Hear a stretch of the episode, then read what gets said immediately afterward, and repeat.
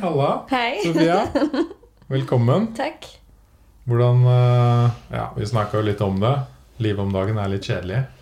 Ja, tungt. Det er deprimerende. Det er, eh, ja, det er en helt annen atmosfære, føler jeg, å bevege seg i. I Mm. forhold til liksom de andre dagene hvor eh, jeg har veldig mye positivitet og mye glede og mye energi i meg til vanlig. Men merker nå så har jeg bare liksom ikke lyst til å gjøre så jækla mye enn å bare fokusere på den lille jobben jeg har, da, som jeg kan jobbe med. Som er da keramikk og juicebox eh, i forhold til å lage en app. Ja, Så det er litt gøy. fordi det var derfor jeg fant ut Vi har jo egentlig sykt mye til felles. Mm. Uh, klubbing, du er gründer. uh, vi har veldig mange felles venner. Så jeg sa jo det, er rart vi ikke Ja. vi, Altså, jeg har sett deg før, men vi har liksom ikke møtt hverandre. Nei, ikke sant? Da er det helt konge å sitte her i dag. Men uh, Ok. Skal vi starte med sexen? Ok, la oss starte. Let's go deep dive. yeah. Let's go dirty med, med en gang. Fortell om, uh, om Juicebox og hvordan det starta, og hva det er for noe. Um, så Juicebox er lett sagt uh, sexfester for kvinner, transpersoner og ikke-binære. Så alle utenom egentlig cis-menn, da. Um, Alt utenom menn. Ja. Ja. Mm, basically. Eh, Transmenn får lov. Ja. De er liksom gyllen liksom unicorn som får lov til å være med. Eh, men jeg starta jo Juicebox fordi jeg hadde selv vært på en jentesexfest i LA. eh, tre år tilbake. Fire år tilbake, kanskje. Um, og Hvordan var det, ja? det var kjempeliberating. Det er der jeg følte den følelsen. Det å kunne bare ikke gi kjærlighet til én, men til flere i samme rom. Men også være i et rom med bare lots of sophisticated and a little bit older actually females.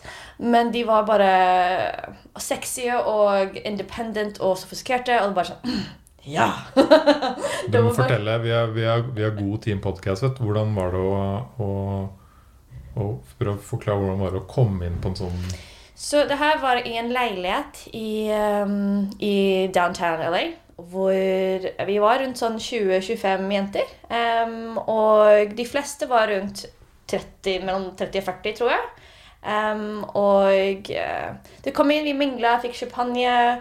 Så var det litt um, en, eh, en forestilling, kan du si. En performance av en dominatrix. Um, Som er ja, hva skal jeg si? Hvordan skal vi definere dominatrix?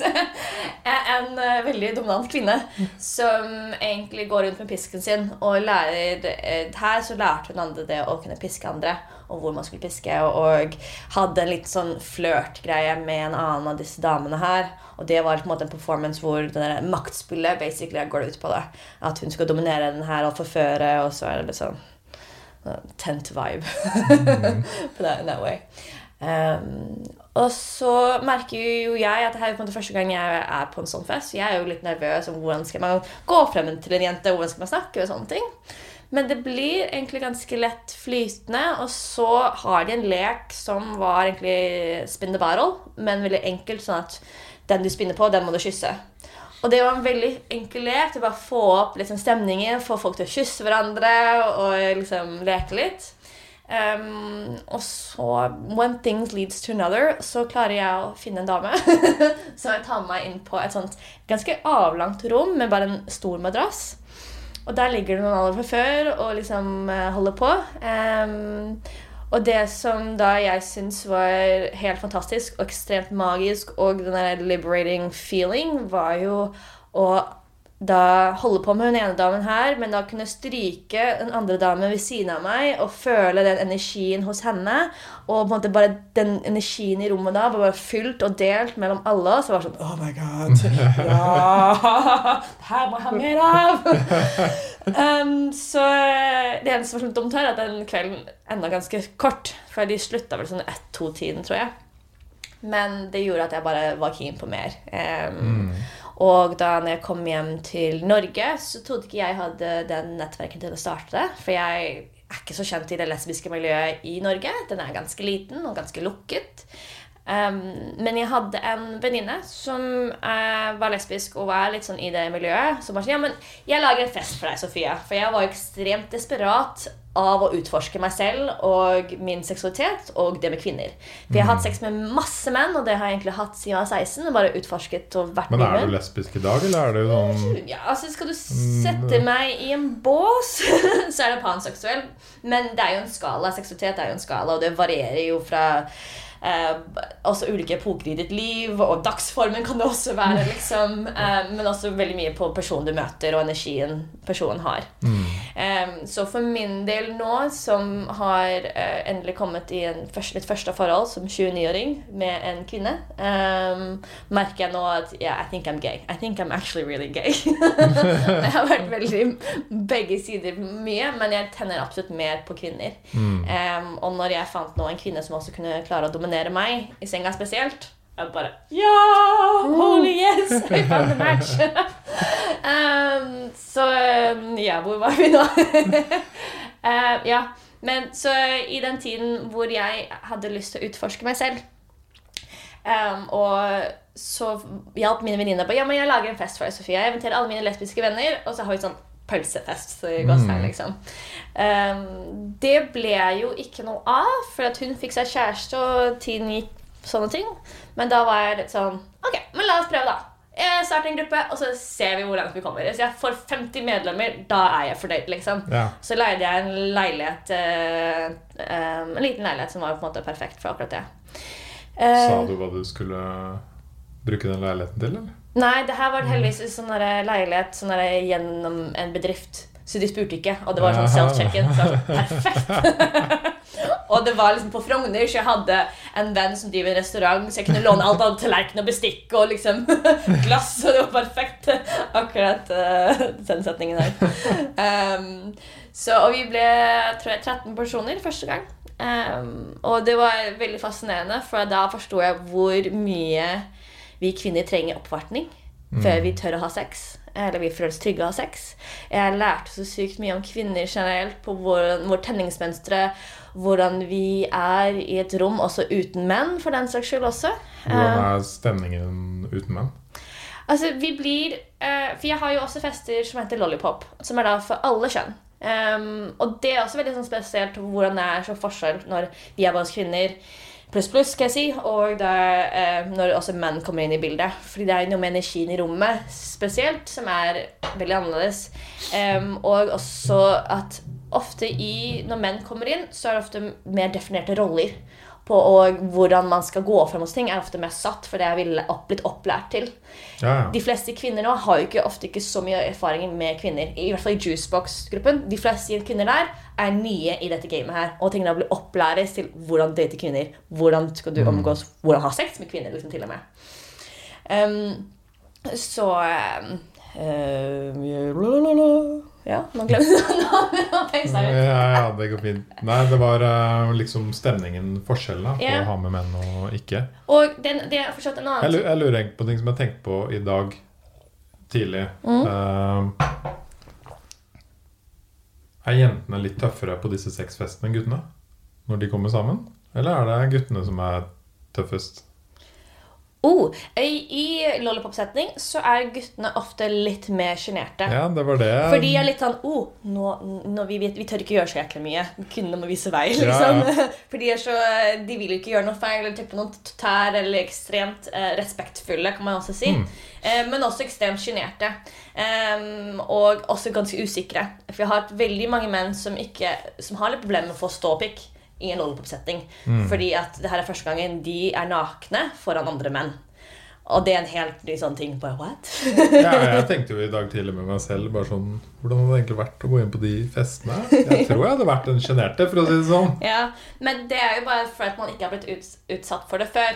Ja. Eh, med en gang man kommer inn i et sånt miljø, så vil første gangen alltid være litt awkward. Men med en gang man, alle er nakne, så er det sånn oh ja, but this is the most natural thing to do. Det er det mest naturlige er jo å være naken. Det er jo kjempefantastisk å kunne bare være naken. Um, og det er jo en ting med disse nakenteknoene jeg har også. Hvordan folk eh, har jo på en måte kommet tilbake på men det er jo helt fantastisk. Altså, jeg føler jeg møter så mange interessante og spennende mennesker. så blir jeg liksom Jo, men det tror jeg også, for at man ikke har klær på seg, så har man ikke noen mulighet til å dømme noen. Man dømmer ofte ved klærne. Man kan ikke dømme dem like mye med naken, for da ser man jo hvor forskjellige vi er. Og vi alle er fantastiske og unike. Og da kan man, har man ikke noen mulighet til å dømme, og da går man liksom over overflaten og direkte på Ok, da må vi snakke om noe det- Man kan ikke snakke om hva er været, liksom. Det går ofte med litt dypere samtaler med en gang. Så jeg tror det gjør mye med oss òg, å bare kunne være oss selv naken og bli akseptert av andre av oss selv, liksom. Mm. Sånn sett. Um, og også forskjellen da, for det med kvinner Eller med juicebox, som er bare kvinner, så merker jeg jo ofte da er jo at alle er med alle. Det er litt more unity, eller community Samlende community, føler jeg noen ganger. I forhold til da når det er lollipop med menn, så kan det være litt mer sånn par eller trekant der, og så er det noen som går på et rom der. Og det er litt mer spredt, og så kan vi samle oss litt. Men det er jo aldri en full det, det har skjedd oftere mer at det er sånn fem jenter på en gang, Mm. enn det er fem forskjellige mennesker på en gang. Ikke sant. Um, Hvorfor tror du det? Eh, Så jeg tror det er det med at i og med at det her er såpass nytt for nordmenn, så er det her også en Eller ikke for, for mange nordmenn. For min generasjon nordmenn, kan vi også si. Det er ganske nytt. Ja. Ja, ja. Det er greit å si. Uh, og jeg tenker Det er så mange swingers i det miljøet der som er noe helt annet. Den generasjonen der har en helt annen assosiasjon til sexfester. Så jeg føler det her er noe vi holder på å lære oss selv og, og utforske og utvikle og se, se hva vi liker, og se uh, hva som er trygt. Så nå er vi jo i en fase hvor vi må lære ting, vi må forstå hva som er greit, og forstå hva vi liker, og da plutselig hopp Det er enklere da å finne én person å ha sex med Mm. enn å finne flere på en gang. Og det er også noe da som for så vidt skjedde nå nylig, hvor jeg hadde en- bare en veldig mye mindre lollipop, hvor vi var bare de ti stykker innenfor restriksjonene. Yes. Um, men der merket jeg Her var jo at det jeg fikk tilbakemelding her, at det var en av de beste. For her hadde de møtt menneskene uh, flere ganger i løpet av et år. da Og har blitt litt kjent litt og litt. Men jo mer man blir kjent med en person, jo ofte blir bedre blir eh, sexen og kjemien. Um, så her merket de bare bygde ut enda sterkere bånd, og da kunne det være flere på en gang. Og her var det igjen med unity, kanskje. sånn sett. Så det kan være det med at vi kvinner føler oss automatisk litt mer tryggere når vi er med oss kvinner. Liksom jentekveld, og vi er på samme vibe, og vi forstår hverandre ofte litt mer. Um, så det at nå er jo en prosess at vi kvinner og menn skal forstå hverandre at vi er forskjellige. eh, Men at vi er jo absolutt, absolutt equal. Men um, forstå hvordan vi er annerledes er. Men ikke nødvendigvis at fordi du er mann, så er du sånn. Men det er mer at pga. at du har testosteron, så er det sånn. Og jeg har også testosteron. Og det er mer å forstå hva disse ting eh, påvirker oss annerledes, eller hvordan vi snakker, eller hvordan vi tenker. Og bare da lettere kan liksom komme sammen. Møtes. Møtes sammen, så liksom. Nakne. Uh, ja, basically. Um, ja. Mm. ja, nå ble det tenkende. Juicy. Juicy. Ja. Juicy information. ja. Så jeg tror eh, Så det jeg gleder meg til, er om fem år, om ti år, hvor vi er da, og at jeg har håpet at vi har klart å skape en community som er kjempesterk, men ydmyk, og hvor vi er bare alle bare elsker hverandre. Og igjen big family. typ da. Men, eh, så da tror jeg det blir noe helt annet. Men ja, jeg tror at vi er i en sånn utviklingsny fase med akkurat det der med sex og empowerment og liberation og exploration. Ok, på Lollipop der det er gutter og jenter. Alle kjønn. Alle kjønn. Mm. Alt, selvfølgelig. Mm. Uh, uh, er det mange par? Det er det. Eh, absolutt. Fordi jeg kan Eh, jo se for meg at gutter som er i par med en jente, mm. de er ganske reserverte i forhold til at uh... Det spørs veldig på forholdet til, den, til det Ja. paret. Eh, fordi det er mange par jeg har som, er, som har et åpent forhold, og da er det veldig Da er det selvfølgelig fritt greit. frem. Da er det «Wii!» Um, jeg har absolutt noen par som Eller jeg har et fåtall par som kommer som vil helst bare ha sex med hverandre og kunne se på andre. Og det er forstått helt greit. Um, jeg har andre par som vil bare finne en annen person å ha med. Ellers er det også litt sånn flytende.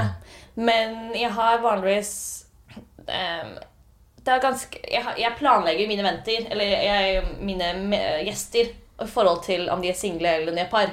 Så jeg har såpass mange plass til par, og så har jeg såpass mange plass til single. Så det er ganske fin balanse sånn sett. Ja. Så det er aldri liksom at det er bare masse par, og så er det to single, liksom. Eh, jeg hadde åh, Det var en gang hvor disse tre av disse parene, som også har vært på Juicebox eller Lollipop flere ganger, eh, hvor de endelig hadde sex med hverandre og hadde en sekskant i den største Oh. sengen. Jeg bare Yes, finally! så gøy! Eh, så det var jo litt morsomt. Mm. Men det er mange som tenker altså, Det er to ting jeg veit. Spesielt en gutt i forhold med en jente. Mm. Det er ofte veldig sånn Den jenta skal på en måte ikke deles med andre. da Det er sånn litt standard. Eierskap-greia. Eier, Mm. ikke, ikke, ja, ikke eierskap nødvendigvis, men det er meg og deg. Og jeg vil, man vil ikke se kanskje at jenta har sex med en annen gutt, Men, kanskje. Så du mener at jentene er litt mer komfortable med det? Jeg veit ikke. Jeg bare forteller høyt hva yeah. jeg, når, når jeg har snakka med andre yeah. gutter, Mm. hva de sier. Ja. Eh, Jeg tror det går litt begge veier. ja, I sånn tankegang, tror jeg. det gjør det helt sikkert. Mm. Eller, ja, at det handler jo ofte mye mer om usikkerhet og sjalusi, sånn sett, om man ikke vil dele personen, og at vi er opplært til at den personen som is your one, er bare din. Den skal du ikke dele med. Mm. Så det er en eh, Jeg tror det er litt toxic, kan man si, tankegang. um, fordi at jeg tenker jo heller at Det jeg har lært, er jo at kjærlighet er jo ikke, er jo ikke en It's not a um, It's not a resource that's um, som er limited. Eh, Kjærlighet er jo ikke bare en boks med kjære, liksom. Så du bare Ok, nå har jeg en kjæreste. Du får alt. Det jeg merker er at Kjærlighet er jo en infinitt. Du har abundance av kjærlighet. Og jo mer du gir og får, jo mer har du. liksom Så det at, det at jeg har en kjæreste og kan gi kjærlighet til deg, betyr ikke at jeg kan også gi kjærlighet til andre òg, liksom. Uten at det skal gå på bekostning av at du får noe mindre, egentlig. Det er mer at hver, ehm, hver relasjon er unik. I forhold til den kjemien vi har sammen, er noe helt annet enn jeg har med den personen der. Og det kan ikke sammenlignes. Eh, og det er ikke noe som er bedre eller dårligere, det er bare ulikt. Eh, ja, det som vi har dårlig med, eller lite av, er tid.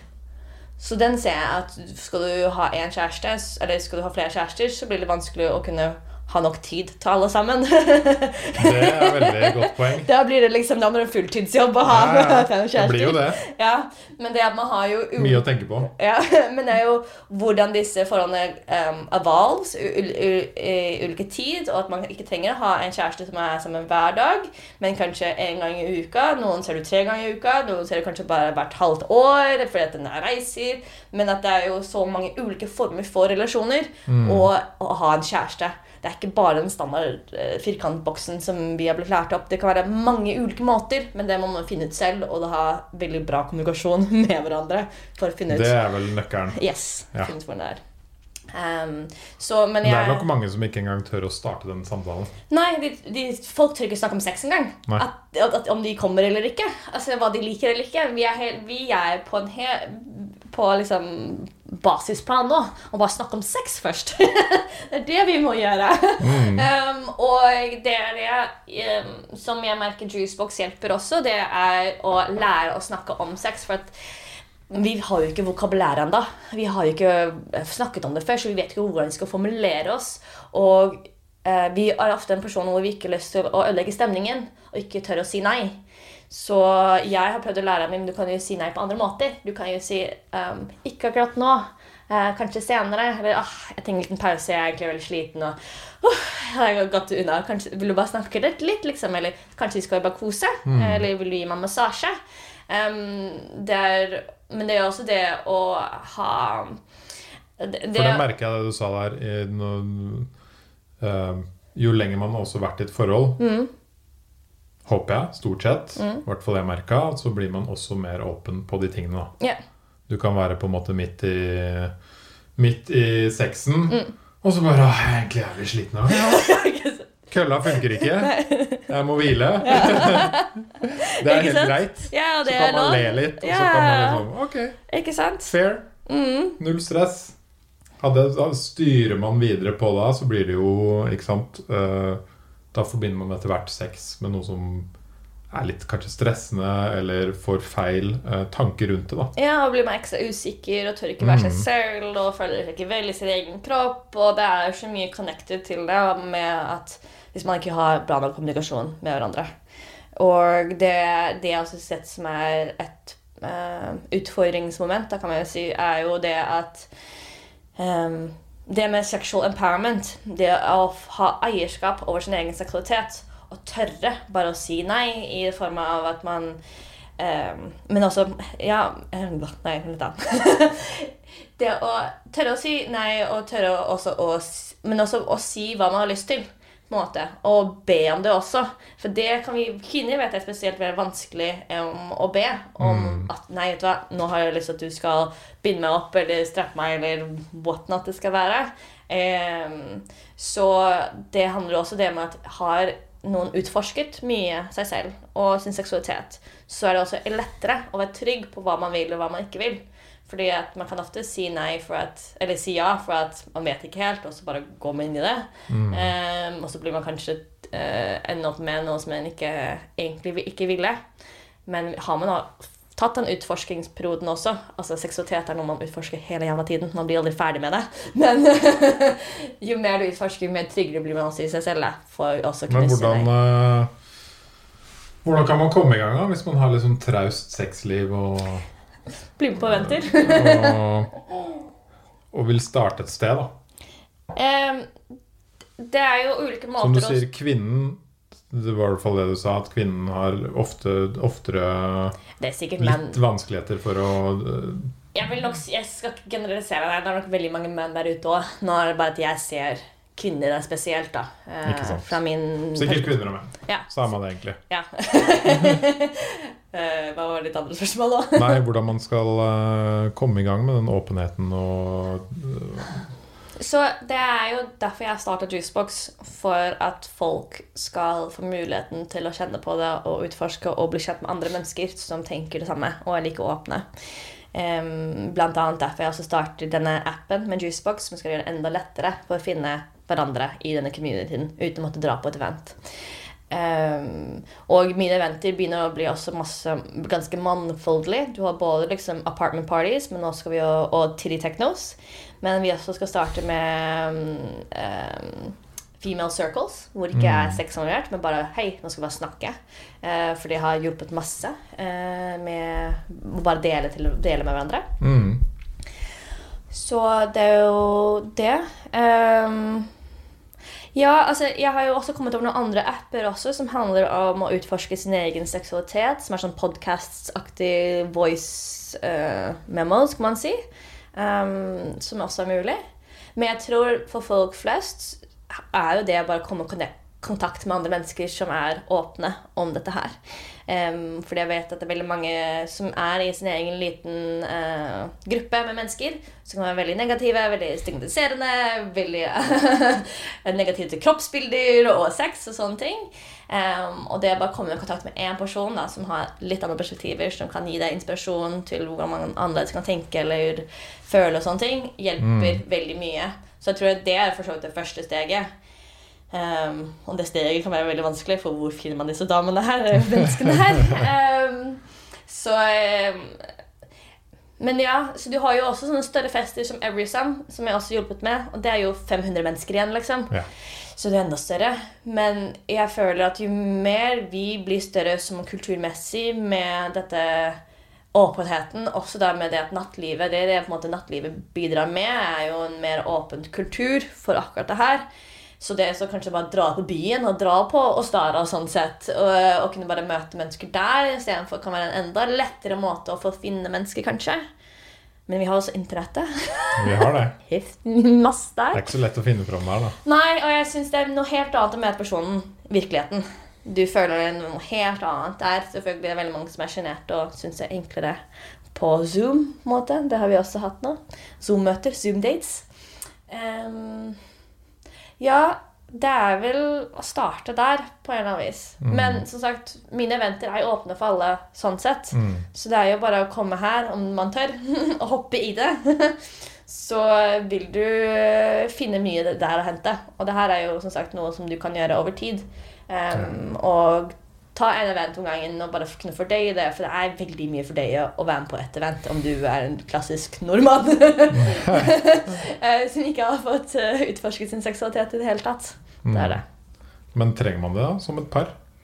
Hvis man har bra sexliv og jeg, det jeg har fundert litt på, er at alle de som er liksom ah, Sexlivet, ok. Ja, det er bra. Eller ja, det, det er godt. Har du egentlig utforsket Vet du hvilket høyder du kan egentlig ha av din sexliv? liksom? Har du Do you really know the potential of your sex life? Hvis du er Ja, nå er det bra nå med den mannen. Og det, altså Ja, det tror jeg veldig mange er, for jeg vet at veldig mange er litt simplere. Og har det bra med et enkelt sexliv og enkelt liv og liker sin 9-5-jobb. Og jeg dømmer dem ikke. Sånne mennesker trenger vi i vårt samfunn, liksom. Em, så absolutt det fins sånne mennesker som er, er også aseksuelle, som ikke trenger, eller demiseksuelle, som ikke trenger så mye.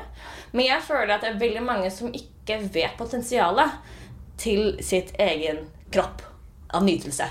Eh, og hvor mange høyder man kan oppnå, og nye høyder. Og det er derfor jeg sier det med Hva liksom mener du med disse høydene? men det jeg merker selv med min egen seksualitet, at it is basically a big black hole with never ending of discoveries of new heights. Av uh, former for orgasmer, for hvordan jeg kan komme, og hvordan jeg, kroppen min, hele kroppen min kan reagere. Uh, min mindspace, hvor jeg kan ende opp i under en session eller etter en session, og spesielt også med BDSM, som har ekstremt mye sånn rollespill, som også um, er um, ekstremt uh, si, powerful, kan man nesten si, i en sexsammenheng, vil jeg på den måten. Det forsterker deg på mye, på mye måter. Du kan liksom virkelig bare Så jeg, jeg oppdaget det å være pusekatt en gang, og hvor fantastisk det var. For nå skjønte jeg Å, jeg er petplay. Før så var jeg sånn Hæ? Å være en katt eller dyr? Mm, ok, det er ikke tennene for min del. Men i den setningen her så eh, skulle jeg være en pusekatt, og vi var på en stor fest i SLM, så det er uh, Scandinavian Leatherman en dungeon til uh, gutta boys, skulle jeg si. Sort og lakk og lær, og de er skikkelig dungeon. Um, jeg går først går på alle fire og ble sånn OK, Du skulle være en katt. jeg skulle være en pusekatt Ja, ja. Oppføre meg som pusekatt. Um, og først var det sånn Ok, gå på alle fire. Hmm, this is another point of view. Altså, ja, du ser bare på alle bein og det og det. Men det jeg syns var så fantastisk, var jo all den oppmerksomheten og kjærligheten uh, jeg fikk av alle sammen. For du tenker av hvor mye kjærlighet vi gir til våre kjæledyr. Å være på the receiving end. Og bare få, få, få. Du bare Ja, ja, bare klapp meg. Mm, ja, kos meg. Mm, ja, mm. Jeg bare, ja. Altså, det var bare kjempedeilig. Og slippe å smaltake. Du tenkte ikke noe sm- snakke med noen. Du kunne bare være på receiving end. Da merker jeg bare Ja, takk. Mm. Og det var ikke noe som tente meg, sånn sett, men det var mer the mind space. Å kunne jeg er en person som har ekstremt mye ansvar og jobber ekstremt mye. Um, så kunne jeg endelig gi slipp og bare bli tatt vare på, er superdeilig. Og, det derfor, og, det synes, og så tror jeg er ekstremt veldig viktig å ha den balansen i hverdagen sin også. At man har disse motpoler, altså Hvis man har store motpoler, da, så må man liksom kunne ha en balanse mellom disse to. Så du har lært det etterpå, at du kan være en pusekatt i livet òg? Ja, eh, det er der- derfor jeg skjønner hvorfor folk vil være pusekatter Ja. eller være hunder. Em, jeg ser det, behovet i, ser det behovet i mennesker, og det er liksom ikke noe rart med det. Det er faktisk en veldig naturlig human thing to be, liksom, å, å ha. Så det er jo sånne ting. Det er jo liksom en måte hvor lenge altså, Det er også med hun kjæresten jeg har nå, det med at vi ikke har sex så lenge, var jo også sånn der, Ok, det er nye heights for orgasme på den måten, men det er også det med kveling eller med stearinlys. Altså, det er Som jeg sier, det er så mye rart. Eh, men også med ulike personer også. Eh, hvor en, en person så har vi en helt annen chemical kjemi som gjør at sexen vår er helt fantastisk bare for at kjemien vår er der, liksom. At vi bare klikker sammen. Um, så ja, det er så For min del, som har utforsket litt, så er det bare ikke så ekstremt mye der ute. Å ha monogam sex i sengen i misjonærstilling blir litt sånn OK, if, you, if that makes you happy, OK! But det er så mye annet også. Bare utforsk litt av det. Kom her. Se. Se på alt det her. Men sier menn det samme? Uh, Altså har menn like stort spekter av utforskning? Å ja, ja, ja, absolutt. Ja, ja, ja. Det, det, det eneste jeg um, tror er uh, Altså, hva skal jeg si Altså, vi har jo flere Vi har dobbelt så mange nerveendinger i vår klitoris enn dere har deres peniser. Så våre orgasmer vil jo være noe helt annen heights enn det dere kan ha. På den måten. Men det er også noe med at eh, Derfor tror jeg også tantra er ekstremt viktig for menn også å lære. Det at målet er ikke å komme. Målet er også bare det å kunne nyte og kose seg så mye så lenge som mulig, liksom. Ehm, og jeg tror at hvis vi skifter litt på det at det handler ikke om å komme, men også bare det å eh, være til stede der og da, eh, og den kjemien som er der òg, så tror jeg altså menn kan også oppleve enda mer, og orgasmen deres kan også bli enda sterkere. Um, så jeg tror absolutt det er masse potensial i oss menn å utforske seg selv enda mer og få enda mer heights og pleasure. Men det For den kulturen har vi ikke i dag. Nei, ikke absolutt. Vi skal bare komme etter. Vi skal jo komme. Komme med en gang. Og da Ja, ja. Hallo, tenk å ha sex i tre timer, da! Og så kan du komme! da får du bare enda Du forlenger hele prosessen bare enda mer. Og ja, det er Men da må du jo ha litt kreative ting å gjøre. Ikke sant? For du kan ikke ligge i misjonær i tre Nei, timer. og det er derfor BDSM er veldig sånn flink på akkurat det der. Da. For det der har du foreplay, som er ekstremt viktig. Og da holder du med foreplayen på deg kanskje i én-to timer. Og da blir du så ekstremt tent og så ekstremt um, uh, agitated, but like, not agitated, but um, excited. At når du endelig får sex, da, da blir det bare enda bedre.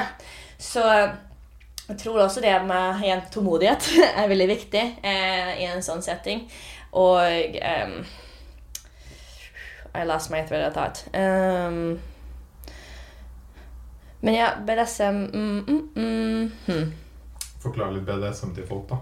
ja, La oss, la oss si Altså, folk veit jo alt fra ingenting om sex til veldig mye, ikke sant? Så hvorfor er BDSM eh, bra? Hva BDSM går egentlig tilbake til våre primære behov, vil jeg egentlig si. Um, du har en ekstremt bra TV-serie, eller film, om eh, han som lagde The Wonder Woman. For han har jo lagde jo Woman bas bas- basert på at han fant ut det med våre psykologiske behov, og det var det ba- basically BDSM.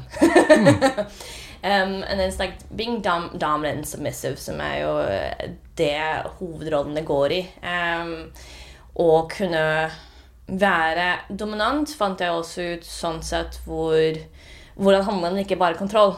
Det handler om, om immense care for somebody that you have, of course, control of it, but you are responsible now for this person. You're supposed to nurture this person and make sure that this person has it really well and has like the best time in her life.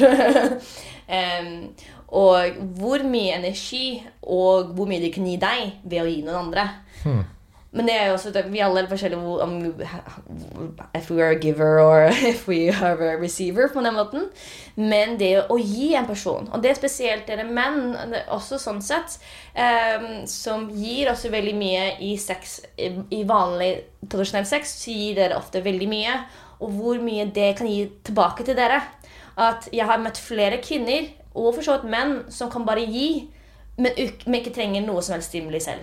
Jeg møtte en, en dame til og med som kom bare fordi hun ga meg en orgasme. Jeg var bare sånn, hæ? What? Hun tok ikke på seg seg selv engang. Og det bare viser den, den, den kraften med energien da, i under sex. Um, og at det er så mye mer enn bare penetrering.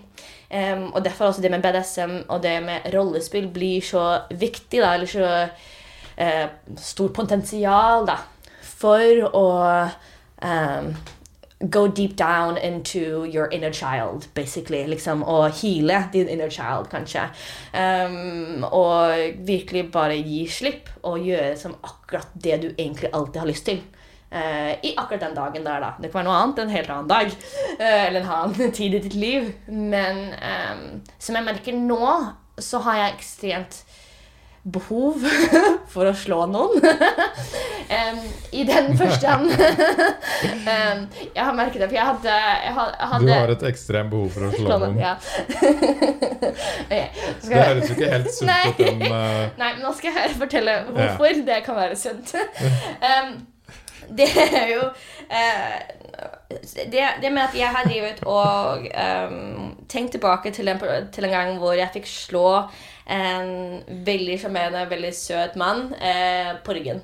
Og slå så hardt jeg ville, for han tålte ekstremt mye. Um, med pisk. Med pisk, ja. Med pisk, ja. Ja, han, min, ja, pisk er litt lettere for min del. Og det kan jeg slå mye mer. Og det er jo masse ulike former for pisker også, så det er masse muligheter der òg. men um, så um, Ja, men for min del der så var det jo at det at han likte det så godt når jeg piska han Altså, han elska det. Han bare åh, gikk jo en helt sånn ekstase bare over å bli slått på ryggen. For det er jo Smerte er jo egentlig ikke noe negativt. Det er bare vår hjerne som har um, It's a reaction. At, uh, at, smerte er noe vi skal frykte, og det er ikke bra for oss. Men hvis du klarer å være så bevisst på, uh, på denne følelsen her, da, og heller gjøre det om det til noe positivt, eller actually just utilize this energy og denne sterke følelsen til noe godt, mm. så er det en helt annen Uh, en kraft du har da, i med uh, om du klarer å gjøre det. Og det spesielt klarer du hvis i en seksuell stemning, for da er det ofte mye pleasure. Så får du smerte i tillegg, så blir det bare enda sterkere. Uh, men hvis du blir slått liksom, på gata, så er det noe helt annet, for det er jo vondt, og det er fare. Mens jeg tror i en god eh, setting hvor du er trygg, så blir det liksom Okay, so powerful again. Um, men for min del så merker jeg grunnen til at jeg har så crave for det nå, så tror jeg er fordi at uh, situasjonen i dag Du må få det ut på noen. Ja, for bare få ut energien. For jeg har energi i meg som er piss og drittlei og bare helt fucka hvordan samfunnet er nå. Og jeg merker jeg er ekstremt frustrert. Å kunne få det ut på noen som syns det er kjempedeilig og kjempegodt, er bare sånn, ok, win-win, liksom. For det er også med BDSM. Sex er ikke alltid det som er målet i BDSM heller. Nei. Det kan bare være det med rollespill. sånn sett, Å kunne få ut den energien du har i deg, eh, og gi slipp og gi løs. Mm. Som å gråte, liksom. Vi trenger å gråte. Det er en viktig måte å, å deale med sine følelser på. Å slå noen på en positiv, trygg måte kan også være det. um, så ja, jeg, jeg, jeg, har snakket med han igjen og bare Kan vi ha en session igjen? Jeg trenger bare slå noen ordentlig. Kom hit. Ja, bare bare Få det ut. Så kult. Mm. du er veldig ærlig, det er jo kjempegøy. Ja, det er, ja. Ærlighet var lengst, syns jeg. det gjør det. Det er helt enig og det er jo veldig gøy for folk å høre litt, uh, litt ting utenom ja. det normale. Som egentlig er så mye av poenget med podkasten her. Da, at ja. man får høre om litt ting som kanskje ikke er i den vanlige boksen man lever i hver dag. Ja. Så hvordan er ditt sexliv, da? Du, jeg er jo kjæreste, og jeg syns vi har et veldig bra sexliv. Mm. Uh, relativt utforskende. Mm. Kunne sikkert blitt mer. Kanskje vi blir inspirert av den podkasten der. Uh, men jeg kan ikke se for meg akkurat nå, hvert fall, at vi hadde gått på en, på en sexfest og delt hverandre med andre. Mm. Det, vi er ikke der ennå. Hvor lenge har dere vært sammen? To år. Ja. ja. Nå, det er fordi jeg ikke veit hva hun føler om det. Ja. Eller vi noen gang har, har snakka om, ja, om det. Nei, vi har aldri snakka om det, eller starta den dialogen. Ja. Uh, Nei, men det er ofte jeg bare kunne Og det er så langt unna den vanlige kulturen og det vi lever i. ja. At det bare å starte oss nå, den samtalen hadde vært litt rart. Ikke sant? Jeg hadde jo en venninne som også hadde litt samme greie med hennes kjæreste. For de hadde snakket ikke så mye om sex og visste ikke heller hvordan det skulle gå frem.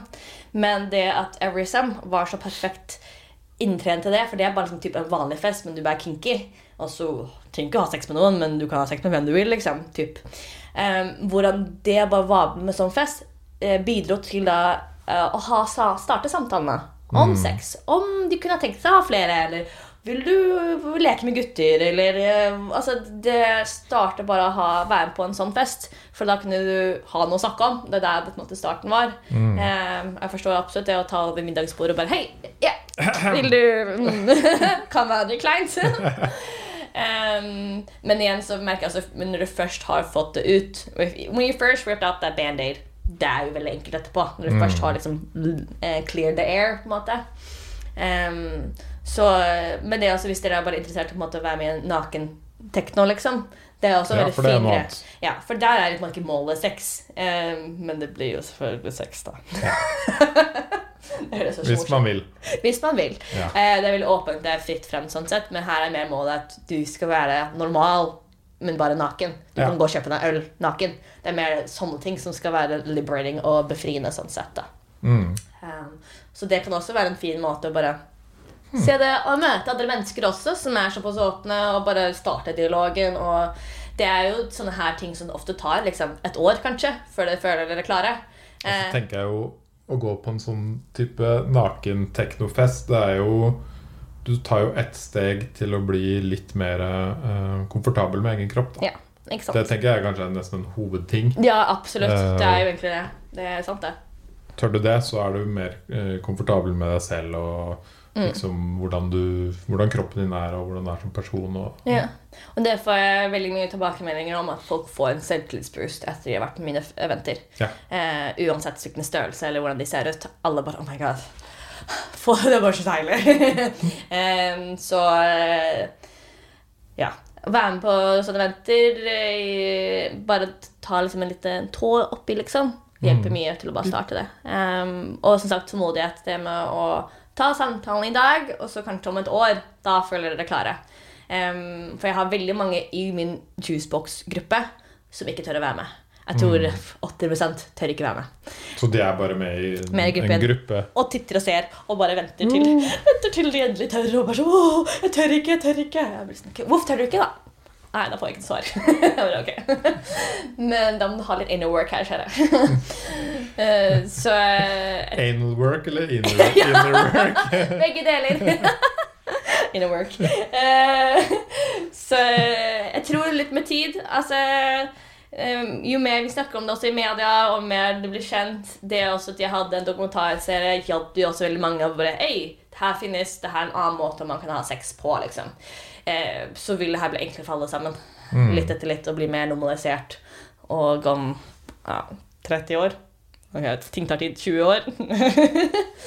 så vil alle være mye mer åpne og Men hva er forskjellen på det her og swingers? Som du sa, det er det, Jeg kan ikke så mye om den kulturen, for jeg har ikke Nei. vært inne. Jeg har bare ting jeg har hørt.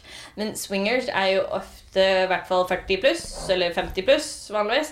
Og da er det jo mer par. Swingers er jo rent par som bare bytter, liksom. Um, og ja. Jeg kan ikke si så mye mer enn det. Bare de eh, At jeg syns swingers ord i seg selv er jo veldig negativt assosiert. har det høres veldig rart ut. Ja, uh, Det er ikke ehm, noe good feeling. Nei, og de jentene jeg husker har vært med på det, jeg synes det var litt awkward, for hun var eneste yngre.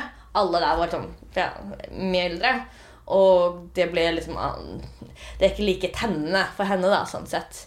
Um, så Jeg skal ikke si noe negativt om det, for jeg har jo ikke vært i det, men jeg forstår jo Og jeg er jo veldig på det med at alder skal ikke ha noe å si. Her på, på disse festene så kan det være hvilken som helst alder å komme, men jeg tror det her Alder, størrelse farge, Skjønn, farge. ja, whatever, liksom. Eh, om Kom inn. Ja, kom inn, bli med, liksom. Alle er mennesker. Eh, men jeg tror det swingers blir da feil proporsjonert for at det er bare eldre. Og da får du en helt annen kultur med det. Ja. Em, så at det som er benefits da med mine fester, er med en god mer blanding. Ja, vi er litt mer på den yngre siden. Eh, vanligvis mellom 25 og 35 er det egentlig. Em, men jeg har da et par som er eldre, som er 50, yes, og så har jeg et par som er yngre. Men da for vår, for vår gruppe så blir det mer en bedre balanse sånn sett. egentlig, da.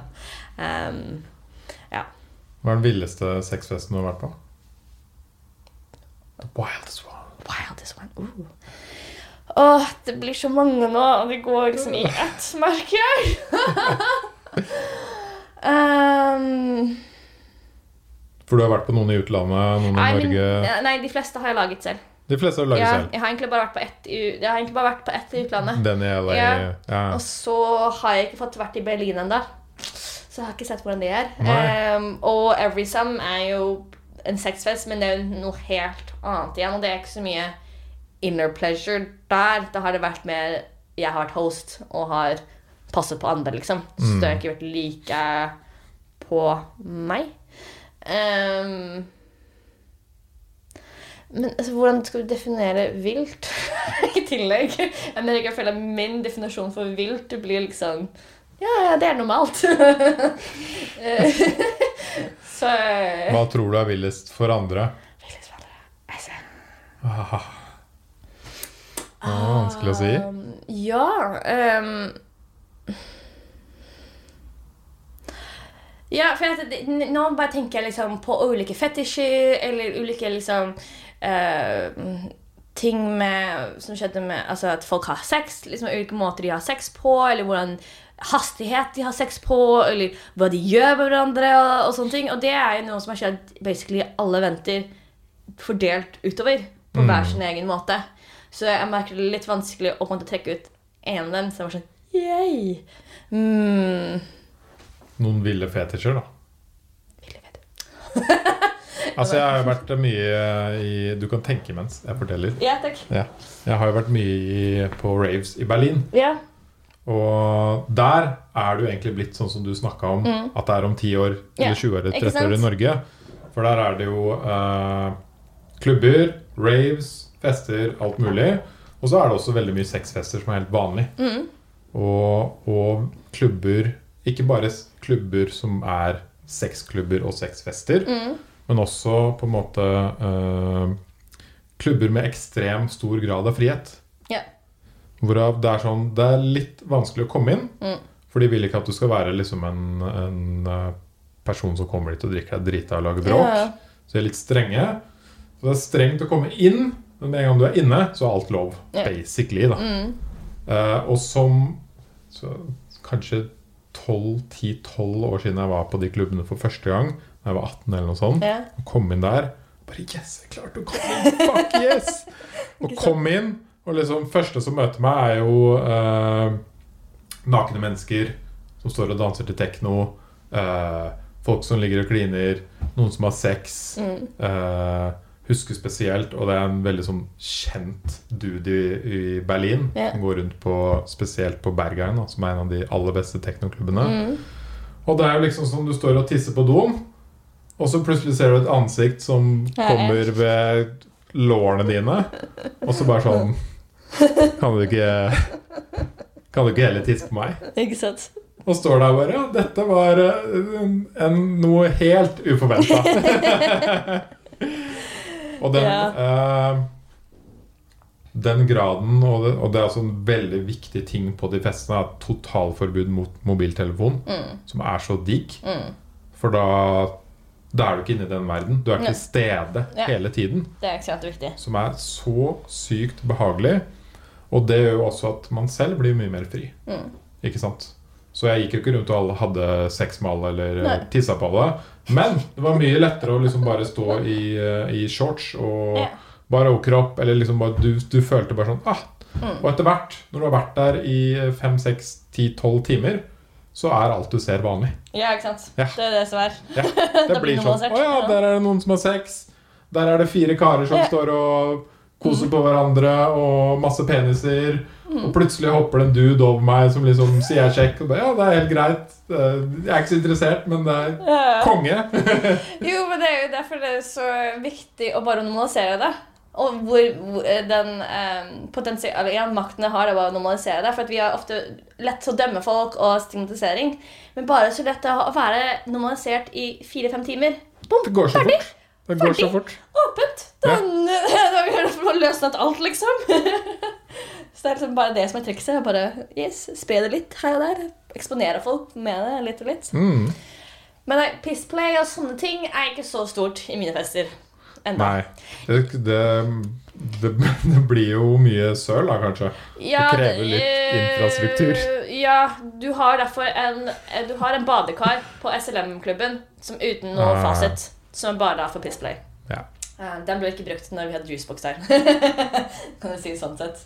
Eh, men altså det, det som jeg syns er også mest fascinerende med juicebox sånn sett, er jo disse eh, At jeg har, har kjent den personen ganske lenge, som er, som er den superste, nydeligste jenten. Bare super sukkersøt. Og så plutselig kommer hun inn sin dominante side og blir badass bitch. Og bare begynner å slå folk og bare piske folk og bare sier ting og dominerer folk. Og bare what? Wow. så sånne ting syns jeg er mer, altså ganske fascinerende. Det er veldig fascinerende. Å kunne se switchet i folk, og hvordan Mm. de blir plutselig noe helt annet fordi de får på seg en strap-on. Og de knuller hun dama der til at madrassen bare flytter på seg i alle vinkler. liksom. Det var sånn Yeah, you go, girl! så det er vel mer kanskje sånne ting som jeg syns er høydepunkter i min kanskje memory på den måten. Um, Tror du alle har en sånn strap-on, knullende, vill Vill greie inni, inni skjult dypt inni seg? Jeg tror det er måten du bruker det på. Ehm, for jeg tror absolutt at flere kvinner er egentlig dominante av seg. De bare vet ikke hvordan. For det å være dominant det krever en viss form for læring. Opplæring. Det, er ikke, det er ikke bare bare å vite hva man skal gjøre, liksom. Så vil jeg jo si at veldig, veldig, veldig mange kvinner har blitt opplært til å være søt, uskyldig, Ja. flink. Altså den pakka der. Ja, ikke sant? Ikke, ikke være til bry og Mm. sånne ting. Så veldig den submissive rollen. Så det jeg også ser potensial med, er at vi må jo opplære nå våre kvinner til å bli dominante. Og lære å ha på seg en strap-on. For det å ha på seg en strap-on og få til en penis er plutselig er ikke enkelt. Liksom. Du må ha opplæring i det. Um, men også finne sin måte å kunne også ha strap-on på. For jeg merker at det å ta noen i, i analen med strap-on var mer min greie. For da tenkte man ikke thrusting i sånn i tre timer. Da var det bare de lille bevegelsene her som jeg bare Oi, yeah, ok, det her fikk effekt på. Nice. Så alt handler om at du, du, vil ha reaksjonen av den andre personen, liksom. Det alt handler om det, egentlig det. Men ehm, så, men så har du min kjæreste som kan kjøre på med en strap-on i en hel evighet, og jeg elsker henne for det. liksom. Men jeg kan ikke ta henne tilbake. Og hun vil ikke ha henne tilbake sånn sett. Så det er jo eh, Kommunikasjon. kommunikasjon. Veldig Ja. viktig. Og vite hva man vil ha, og hva man ønsker. Mm. Ikke sant. Men uh, det har jo vært uh, Så juicebox, lollipop, Og ja, så raw. raw, Mm. og så har du tekno, nakentekno. Ja, det er nakentekno. Det er nakentekno. Raw het- er nakentekno. Ja, som er liksom det mest uskyldige. uskyldige. Ja. Ja, jeg, jeg, måte. jeg, vil si nesten titty-tekno er enda mer uskyldig, for det er bare toppløst. Ja, Det er bare toppløsness, liksom. Du må ikke være toppløs engang. Du kan ha på deg klær. Det er jo en bro, sikkert veldig god sak for jenter som ønsker å Det er det. En veldig fin, lett greie. Men jeg merker da får jeg ofte at jentene ikke drikker litt for mye. Ikke alle, men jeg har noen som bare «Hui!» Som, har alt, som blir altfor alt for nervøs, så de kan drikke litt for mye. men det er alltid sånn vanskelig i en sånn mer uh, nattklubbstemning. Ja. Eh, på den måten. Men det har gått fint. De fleste jentene blir bare litt for søte, og så spyr de, og så går de hjem. Så er det sånn, ja, ok, det skal gå fint. sånn er det i vanlig nattklubb òg, liksom. Det er ikke så stor forskjell. Um, så er det, altså får du også uh, female circles. Um, Mm. Um, som er da enda lettere, hvor de er, vi bare snakker. Um, Det har begynt å komme veldig mye mail circles òg. ja, Ja. jeg har også en venn som driver med heart circles, det jeg kaller, som er også Det kommer mye sånn greier om dagen. Det er jo veldig viktig når det er så mye folk som sliter med mental helse. da. Mm, og, det, og hvor mye det kan gjøre bare det å dele. Ja. Og bare snakke. Og det er det eneste du trenger. Er bare dele, Trykke, komme med noen løsning eller noe svar. Bare hey, Mm. share, liksom. Så ja, det Jeg merker jo det verste man gjør i sånne kjipe tider, eh, også egentlig generelt i livet òg. Mm. Livet går jo opp og ned. eh, det er jo å sitte med alt oppi hodet alene. Ja. Det er jo tungt å bære all den skitten Mm. oppi hodet alene. Det er det. Og med en gang du av og til, så er det sånn Du, det er- du trenger nødvendigvis å ha en psykolog, du trenger bare å ha en lytter. Ja. Det er ofte det man trenger. Ikke sant? Vi trenger nesten ikke å si en dritt heller. Det er bare sånn, bare la meg Ja, tømme ja. meg litt. Jo, eh, det har jeg også lært nå, for at vanligvis med, når kjæresten min skulle eh, komme med noe eller complaine med noe eller med eh, problemene hennes, så er jeg ekstremt løsningsorientert. Så blir det sånn, ok, finner løsninger. Hva med det? Hva med det? Hva med det? Så blir hun irritert da, for at jeg ikke forstår henne. Så blir det sånn, ja, men jeg forstår det, jeg bare prøver å finne løsning på det. Men det de fleste ikke vil ha, er ikke en løsning. De vil egentlig bare bli lyttet. Så det jeg prøver også å være flinkere på nå, bare, ok, nå skal jeg bare lytte. Mm, Ja. ja. Ja, det er kjempeille. Ja, ja, ja. Det er ikke så lett, og jeg er også ekstremt løsningsorientert. Ja, ikke sant? Bare av og til får du den der Ja, men jeg trenger ikke noen løsning nå. Ja. Det er ikke noe sånn Jeg vil ha en sånn liste over ting jeg skal gjøre etter det her. Jeg vil bare få snakka litt om det. Ikke sant? Bare få det ut, og så Mm. voilà, så blir det bedre. Men det jeg også tenkte å starte nå, for jeg har fått etterspørsel av det òg, er å starte typ uh, juice, juicebox til lollipop, men bare for menn. Så Ja. gays. For jeg har fått etterspørsel av det, for at det er Han ene som Hun som er gay friend, han sa jo det med at det finnes ikke noe fem, feminine fester for gay menn. Det er ofte det lakk, lær, sort og litt sånn mørke og liksom Ja, Det får jeg mitt inntrykk av det jeg har hørt, i hvert fall. Ikke sant? Ja. Så han var sånn I want the femininity. I want like uh, flowers and like the candlelights and la, la, la. I'm like, ah, I get that. Ja. Det har vært ekstremt morsomt, bare sånn sosialt eksperiment, og også bare ha eventer for menn. Ja. Fordi bare det at gutter og jenter er forskjellige, men bare jenter, og så skal du få bare menn, hvordan blir det da? Adadad. altså, på min første juicebox så vi Så var det ingen sex som skjedde. Og da hadde vi warm-ups i liksom i syv timer. Hvis jeg hadde gjort det for bare band, så tror jeg at alle kommer til å ha sex innen 20 minutter. Og det er bare sånne, sånne ting, så jeg bare sånn hmm, Fascinating. Let's see. Hva handler det her om å forstå mennesker generelt? Så det har jeg også tenkt å gjøre når ting åpner opp igjen. liksom. Mm. Og prøve meg litt på det også. Og jeg er den eneste kvinnen her, da. ja, ja. Det tror jeg går fint. Ja, og jeg kan ha på meg strap-on. Det går fint.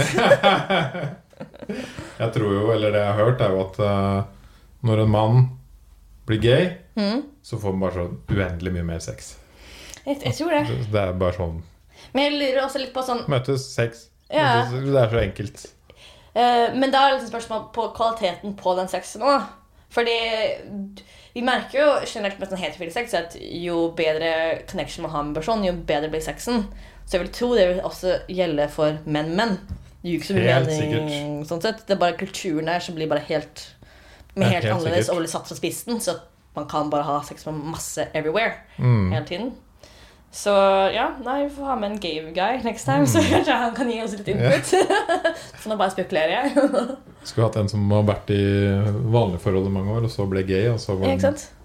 Jo, men det er jo også det med at vi blir nok mer gender fluid og sexuality fluid sånn sett. Mer at vi kan bevege oss fra heterofil til um, uh, til lesbisk til bare litt skeiv eller bifil, eller så tilbake til heterofil. Mm. Eh, men også det med samme at man kan eh, være veldig feminin akkurat nå, og så senere i livet så, så blir man mer maskulin, og så blir man kanskje mer feminin igjen, og så finner man litt mer balanse. At, at vi kan blande oss med, og at du trenger ikke føle at nå er du definert som kvinne, og det skal du være hele livet ditt. En perfect pitch, eh, veldig kvinnelig, veldig feminin kvinne, liksom. Eh, men at hei, du kan også være litt maskulin her og der, og det er helt lov, og det er kjempebra og kjempevakkert, liksom, og det er ikke noe som gjør det at får mindre verdi sånn sett. Mm. Men at vi Og det ser man også i den nye generasjonen nå, de som er 20 år. De er mye mer androgyne nå, liksom. Det er jo veldig mye mer miks, liksom. Så jeg bare yeah! Det er nok fremtiden. Mm. Men du har jo starta også restaurant Mm. hos Tara. Yes. Det er kult. Takk. Og øh, hvordan har det hjulpet deg å være f.eks. leder, da? Hjulpet meg å være Dette leder. med å kunne føle på din Holdt jeg på å si dominerende og feminine og maskuline side og sånn. Er det noe du har lært fra Å starte hos Dara, liksom. mm. Og sexfestene, for så vidt. Ja, altså, jeg har jo alltid vært en lederperson, sånn sett. Det er jo en test man kan ta der ute for å se hvor maskulin eller feminin din hjerne er. eh, basert på evolusjonsteknologi eh, sier jeg. Eh, teori. Som er veldig fascinerende, syns jeg. Og da jeg testet der, så hadde jeg ekstremt maskulin hjerne. Og det ga så mye mening for meg på hvordan jeg er. Men Hvordan funka det? Var det sånn svar på 30 spørsmål. 30 spørsmål? Og så har du en skala på hvor du ligger igjen. At, eh, ja, 100, mellom 150 140-160, så er det midt imellom. 300 ekstremt feminin hjerne. Null er du ekstremt maskulin hjerne. Jeg til 70. Ja. Så det var sånn Ja, ok. um, så det så, så jeg merket Det har jo vært en uh, ting Eller det har gjort at jeg merker at jeg veldig lett er en leder. Men min også feminine side kommer inn, og da er jeg også mye mer emosjonell av meg og har uh, Altså uh, Jeg merker det at min gruppe min, ansatte på Stara er egentlig bare kvinner. Og det er kjempedeilig. For jeg har jo jobbet i en veldig maskulin dominert toxic masculinity-industri veldig mye. Så, ja, i restaurantbransjen. Ja ekstremt mye toxic masculinity. Så ekstremt deilig å kunne endelig skape sitt eget og vite hei, vi kan gjøre det på noe helt annen måte, og det her funker. Mm. Det med at å stole på sine ansatte, at de gjør det riktig, og la dem gjøre som de ønsker, i sin måte. At jeg måtte gi slipp på min eh, perfeksjonist. At å, sånn skal det alltid være. Men så, ok, hey, Elise, du gjør det perfekt på din måte. Du er en egen person, og du har en egen personlighet, og du gjør det best når du er genuin med deg selv. Så just be yourself, og så blir det bra, liksom. Um, men også det at gi dine ansatte også mer ansvar og, sånt, og påvirkningskraft. At de føler seg delaktige og deleier da, i min bedrift, gjør også at de får jo mer ansvar og har lyst å hjelpe meg og lyst til å gjøre en god jobb. liksom. Mm. Så sånne ting som jeg har merket har, har, vært veldig gøy å kunne endelig skape sin egen team og være en leder på den måten. Um, og det er også med at jeg driver med så mye eventer med juicebox og ting, har også hjulpet at Ostara har blitt enda mer unik med, med dens eventer vi kan ha der. For jeg ser også bare mer muligheter. Jeg bare, ja, men vi kan ha ditten og datten og ja, Derfor jeg kom opp nakentekno Ja! Genial idé, liksom. Uh, eller at på Ostara blir liksom meg i et nøtteskall, for at jeg elsker også klassisk musikk. Så vi har pianokvelder, vi har operakvelder. Men jeg elsker også techno og psytrance, så da kan vi også ha det i tillegg, mm. liksom. Um, og eller eh, Vinsmaking? Vinsmaking. Ja, vinsmaking. Ja. Oransje vinsmaking. Vi har sakesmaking. Jeg skal også begynne noe med regelmessig shibari-kurs. Og det er jo bandage, sånn uh, gammel japansk taukunst. Um, så jeg skal drive med det. Um, drive med breathwork. Men mine kokkene har jo blitt uh, underviser i det, eller holder det. Breathworks. Så det, det er konge. Ja, så det er bare uendelige muligheter. Så det er så gøy å kunne endelig ha sånn, et sted hvor du kan endelig gjøre som du vil. Det trengs i Oslo. Mm. Det trengs flere sånne steder i Oslo. Ja, Som er jo genuine til en selv, liksom. Mm. Og det er tror jeg, en av de mest uh, Uh, en av de beste rådene jeg har fått fra min tidligere sjef på Merkur, hvor han sa at Sofia, du trenger ikke å starte altså, et konsept sånn sett. Bare vær deg selv. Just mm. det, gjør det som føles riktig for deg, for det vil selge. Og det er bare sånn Ja, det gir jo så mening. Hvis vi slutter bare å prøve å please alle andre og bare please oss selv, så vil jo alle andre også mest sannsynlig også like det. For det er at mm. du liker det genuint. Eh, ikke alle vil like det, men mange, mange der ute vil også nok like det. Og det holder massevis. Ja, for det, det, det vil jeg si er litt sånn en ny måte å være leder på. Mm. Ikke sant? Ikke bare gå rundt og please alle hele tiden. Ja. Men tenk på deg selv, og da mm. etter hvert vil det gå godt utover alle andre òg. Ja, ja. Det sprer seg jo. Ja. Det har jo vært absolutt vanskelig med oss da. Altså, jeg jobbet jo 16-timersdager, så jeg har ikke vært en lett sjef heller. Jeg har jo vært ekstremt maskulin. Jeg bare Men Var det i begynnelsen, eller er det liksom Det, det var i begynnelsen. Det var i, I september så merket jeg at jeg måtte roe meg ned. For da begynte jeg Da skjedde det Jeg begynte bare begynte å gråte uncontrollably på jobben i dag. For at det ble overbelastning for meg. Jeg måtte bare grine. Um, og da merker jeg Fordi man tror ofte at man er en superhelt, vet du. Helt til man møter veggen en dag. Ikke sant? Ja. Um, det var ikke så mye at jeg trodde jeg var en superhelt. Det var bare at jeg måtte gjøre det. måtte få ting fiksa. Og måtte gi slipp og gi ansvar til andre.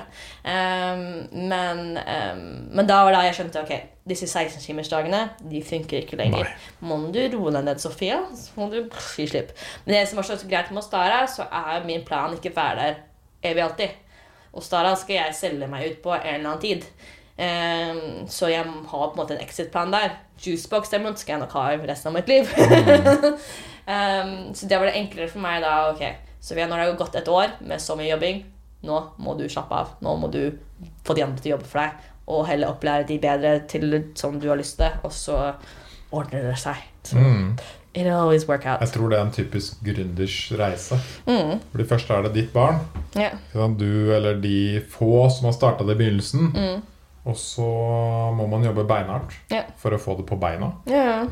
Og så etter hvert begynner det å vokse, og ting skjer, og du jobber beinhardt over en lengre tid. Mm. Og så begynner det å gå litt utover uh, hodet og kroppen og liksom det er for mye Det er ja. 16-timersdager hver dag. Ja, ja, ja. Det er veldig vanskelig å se det når man er inni det der og da.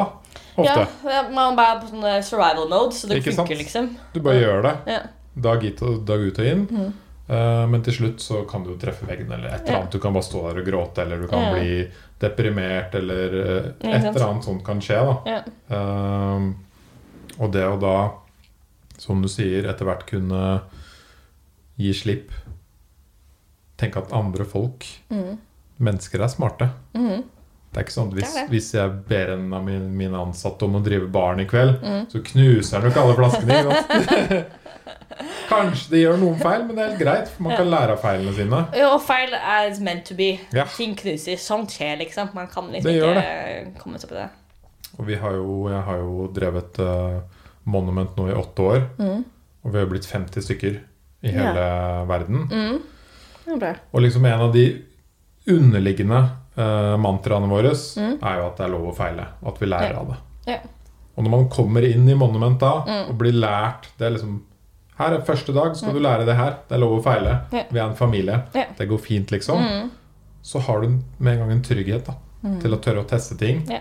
Og det er også igjen ført til at oi, folk lager nye ideer. De tester faktisk mye Mm. Ja, mer ting. da Det er så viktig, liksom. Er jo, alle har en liten gründer i seg, sånn sett, har liksom. Um, vi er jo alltid veldig flinke til å utvikle og komme med nye ideer. Mm. Du må bare skape de trygge omgivelsene for å gjøre det. Og én persons liksom øh, Vi er jo Vi har jo en limit av hvor mye ting du eller jeg klarer Ja. som liksom leder eller gründer å tenke på. Mm. Og jeg vedder på at plutselig kommer det en du har ansatt, og sier hva hvis vi heller gjør det litt sånn Ja. i baren? Eller med musikken? Ja. Eller med den pynten? Ja. så bare Det har ikke jeg Perfekt, klart å takk. plukke opp i hodet mitt. Ja, for ikke alle kan ikke gjøre alt, liksom. Nei. Det er på en måte Å ha flere på et team gjør det så mye enklere. Mm. Men det har vært en uh, morsom reise, eller? Med å starte Absolutt. Det har jo vært noe som jeg har egentlig planlagt i ti år. Mer eller mindre. Ja. Fikk jo det når jeg var 19, at jeg ville starte min egen restaurant, bar eller hva det var for noe. Um, så har jeg jo Gikk, gikk jeg på BI, gikk på litt uh, um, altså, jeg jobbet på litt barnehjem i flere land og reiste litt der. Jeg gikk på også en kokkeskole i LA. Uh, der blant annet jeg gikk på en jentesexfesten. mm. Um, og så var det å finne investering, og de gikk også litt bomma det litt der med en av investorene der, som basically ja, ripped me over, sånn sett.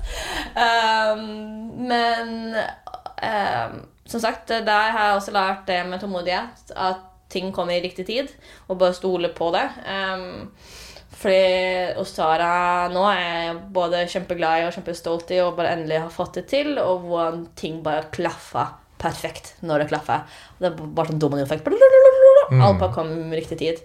Um, og alt kom til meg. Jeg slapp på en måte å være, føle meg desperat eller måtte sike etter noe. Ja. Alt bare kom til meg.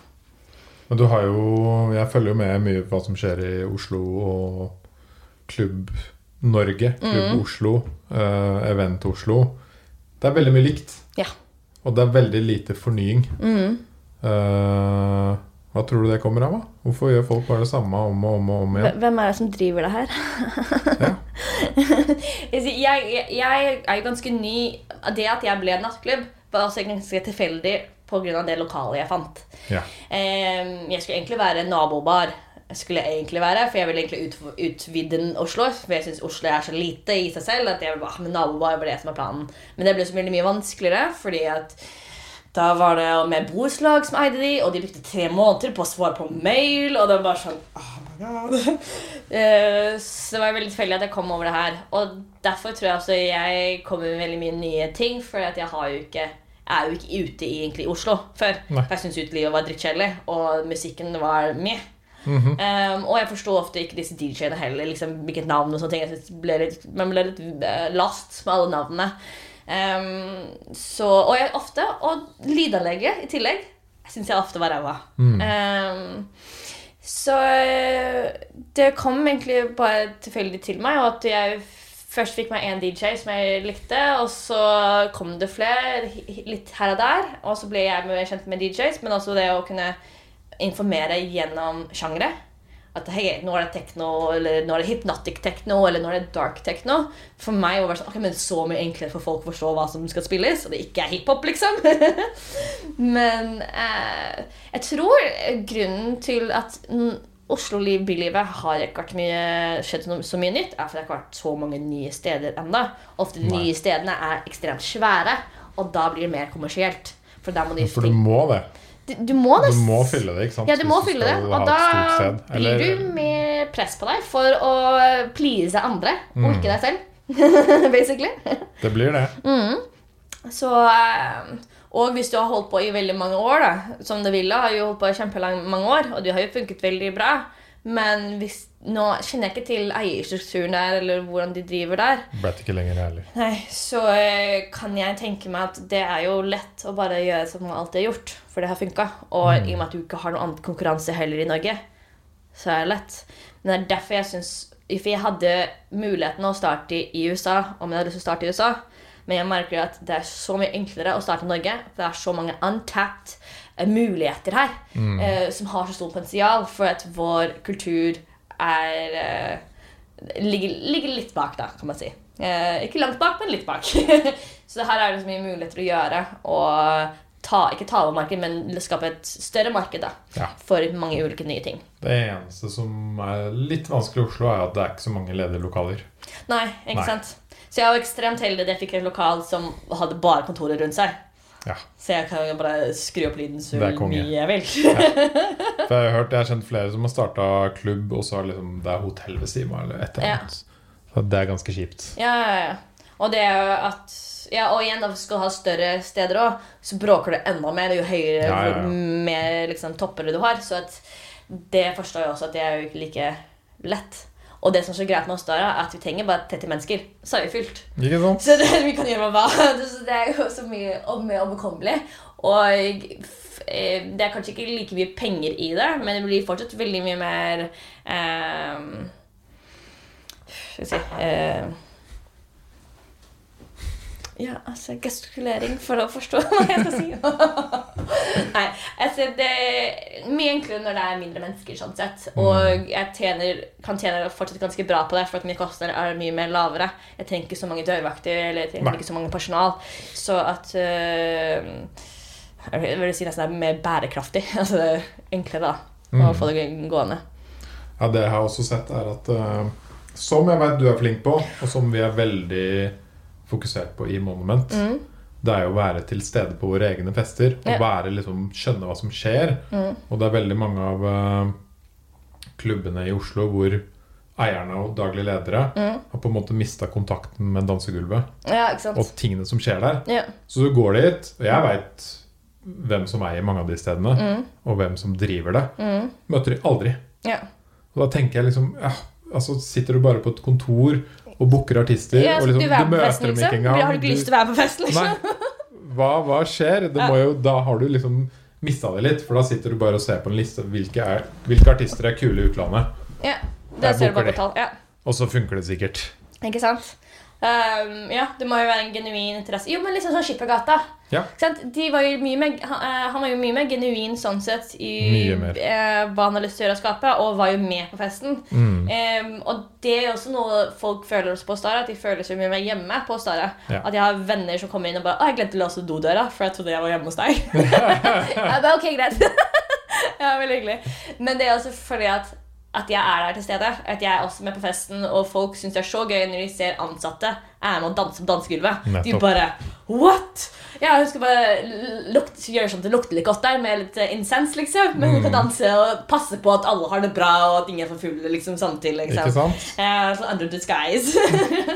um, så jeg tror absolutt det er jo eh, et mer samfunn da man skaper mer litt mindre lokal sånn sett, eller mindre mennesker. Mm. Eh, hvor du får mer faste eh, gjester da, som blir en del av den større communityen. Jeg tror altså, eller, eller jeg vet at du også kan skape det på større fester. Mm. Vi har jo opp mot eh, Jeg tror blå tar 400 folk. 380 eller 400. Da er det veldig viktig å være til stede Ja. og gå rundt. Og vi er jo da kanskje 20 stykker i crew. ja, ikke sant? 15 til 20. Mm. Og jeg har sagt Alle skal være på dansegulvet. Mm. Vi skal ikke sitte oppe i liksom, backstage og, og sitte og drikke der. Ja, ja, ja. Det er ikke derfor vi lager fest. Mm. Det er for å være med folka til stede. Mm. Og det har jeg også sett og observert at man blir jo så sykt glad av det. Ja, ja, Og stolt og fornøyd. Og liksom, Shit, det er det jeg skaper. Så etter hvert begynner folk å kjenne oss. De Mm. kommer og klemmer oss. Liksom, Mm. Du skaper den viben der. Mm. Og så har vi også en da ambisjon om å liksom eh, beholde følelsen av en liten fest yeah. på en stor fest. Det er det vi gjør på festivalen nå. ja. Selv om vi etter hvert blir 1000 folk på festivalen, Mm. eller 2000, så er målet å beholde den familiefølelsen. Yeah. Den lille følelsen. Så det er absolutt så viktig det du gjør der, da. Ja. Og det er veldig egentlig et uh, um, En kjempespennende utfordring. For det er liksom Ok, det er én ting å si det, Mm. men hvordan skaper du den følelsen Ja. med 1000 folk etter hvert på en festival? Ja, ja, ja. Jo, du må kanskje ikke ha den der gigantiske scenen, ikke sant? Mm. Og du må skape det på andre måter med å ha flere gjenger eller ja et eller annet. Sittegruppene eller annerledes. Jeg er på gulvet, liksom, med masse puter. Ikke sant? Sexfest-telt og Yes! jo, men jeg, jeg har jo vært på Boom, og det er jo, de er jo den store festivalen i Portugal. Ja. Og de er jo også ekstremt flinke på akkurat det med communityen. Um, akkurat der. Jeg er litt usikker på hvordan de gjør det. Bare atmosfæren når man kommer dit, er bare sånn Ja! Ja. Ja, samme med f.eks. Fusion i Mm. Tyskland, da, hvor det jeg tror jeg er 70 000 folk. Ja. Men det føles ut som det er en koselig liten landsby. Ja.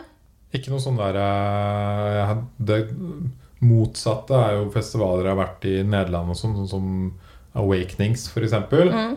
Der er det liksom kun fylla-stemning. Mm. Ja.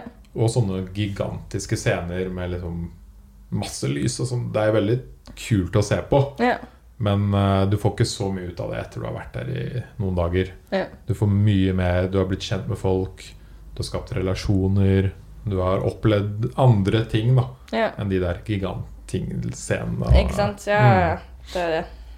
Og det er det du sitter igjen med ofte når du har vært på en fest eller festival. Uh, ikke sant? Du sitter igjen med mer hvis du har blitt litt kjent med folk eller fått litt nye connections. Mm. Eller, og i det hele tatt opplevd noe unikt. da. Ja. Noe som har gitt deg masse følelser. Mm. Det er følelsene man husker. Følelser og kjærlighet og Mm. det er det Peace som and love love and everything. Ja. Peace and love er viktig. Ja, ja, ja. Mm. Absolutt. Men den siste tiden har jo sugd for oss begge, da. Ja, Ja. jo, jo, absolutt. Vi sitter her og tynner tomler vi, og Vi venter det. på og planlegger det jeg skal gjøre i fremtiden, når den blir åpner opp. Ikke sant? Når det skjer. Hvordan har det vært for en sånn produktiv eh, Nei, jeg har jo vært deprimert. Absolutt. Jeg, de hitta meg i januar nå. Fordi i januar-desember så var jeg sånn Ok, greit. Januar, da får vi nok åpne igjen. Da må vi begynne å få ting på rullen, liksom. Um, så jeg hadde planlagt hele Juicebox-planen for 2021. Og var sånn Yes! Vi er klare, liksom. Samme hadde vi gjort i Monument. Ja. Her er året! Yes! Let's do it! Ja. Og så kommer denne andre lockdown i slutten av januar, og da merka jeg min depresjon hit, hvor jeg begynte å gråte uncontrollably, randomly, spontant. Mm. Veldig ofte. Og jeg er en person som ikke gråter. Veldig kjent jeg gråter. Um, så det var veldig nytt for meg. Um, men det var for så vidt greit. Uh, og eh, altså det, For min del så var det sånn ok, da er jeg deprimert, og det er pga. korona og situasjonen som er i dag. Og ja, vi er i en mørk periode nå, så absolutt det hjelper ikke heller. Men da vet jeg ikke hva har jeg lyst til å gjøre nå? Jo, greit. Da har jeg lyst til å være med for meg selv. Jeg blir jo veldig sånn for meg selv, jeg, for meg selv tar distanse fra min kjæreste. Og sier at I need me time now, for nå må jeg fokusere på meg selv. Og gjøre ting som gjør meg glad, og det er å være produktiv på andre måter. Og da har jeg begynt med keramikk igjen. Ja. Eh, og begynner å lage masse skåler og klarer å selge det også nå, så det er kjempegøy. Wow. Um, så det har absolutt hjulpet meg ut av depresjonen min. Samt det at jeg skal lage en Juicebox, en app. Har også vært mye jobb der. Og dager hvor jeg kan jobbe tolv timer. Er bare sånn! Det gir meg mye. Men at jeg får lov til å føle meg deppa noen dager. At jeg forstår at min humør går opp og ned, og mitt energinivå og søvn har ikke vært like bra de siste. Men det er helt ok. Ja, Det vil bli det bedre. Det vil bli bedre. En eller annen dag så blir det bedre. Tålmodighet. Men Mm.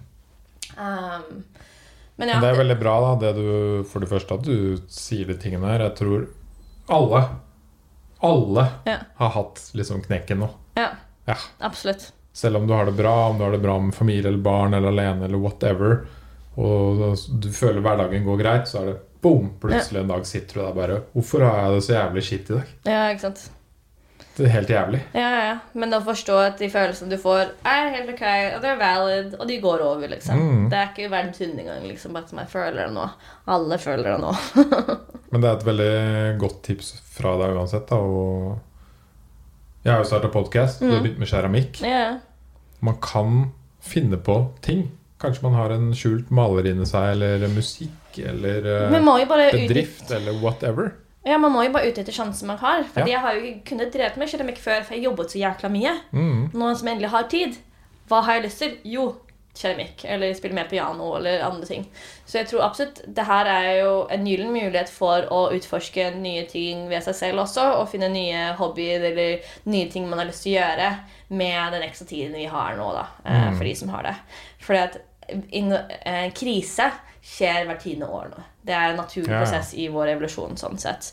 Men alltid ved en krise, det er der vi får mest vekst og innovasjon og kreativitet. Så det, det, det er på en måte Man kan jo fokusere på ah, enten en krise helt jævlig og vi kommer til å gå i verdens undergang, og nø, nø, nø, eller tenke ok, krise er naturlig, vi kommer til å jobbe, det er noe vi trenger for å bli enda bedre. Og få en sånn kickstart på alt det skitet vi brukte en hel evighet på. For vi we don't act before we actually have to act. Det er jo Vi det som er greia. vi, we procrastinate as Ja. faen, liksom. Så det her er liksom en, kick, en spark i ræva liksom, for å få oss i gang. Så bruk den liksom som man kan. Og ja, vær deprimert i mellomtiden. Det går fint. Ja, ja. Lær hvordan man er deprimert, og at det er viktig også. liksom, Mental helse. Det er det. Mm. Veldig. Og det er veldig viktig å, å kunne snakke om det Mm. med folk og bekjente. Og liksom ringe en venn og si du har en jævlig kjip dag. Ja, Da stiller den vennen opp ganske fort. ikke sant? Nei, det er eh, Det har vært en kjedelig tid. Jeg tror det er veldig mange som snak, fokuserer på det negative. Ja. Veldig mange jeg møter. Negativ, negativ, negativ, negativ. Alt Mm. som er kjipt. Og nå har jeg begynt å si til folk Hvor er positivlista di? Ja, ikke sant?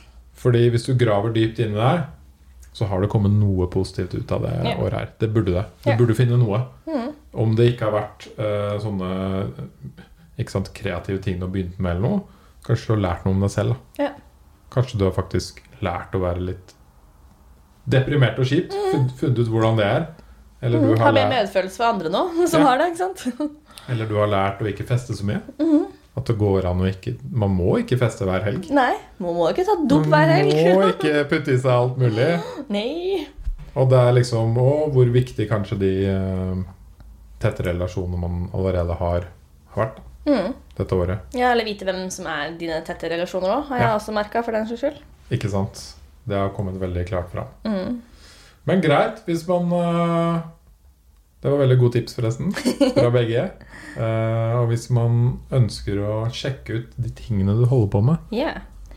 um, så Juicebox for, for kvinner, trans- transpersoner, ikke-binære, det er en Facebook-gruppe på uh, Facebook. mm. Um, Eversum, som er de store festene, de fins også en gruppe på Facebook.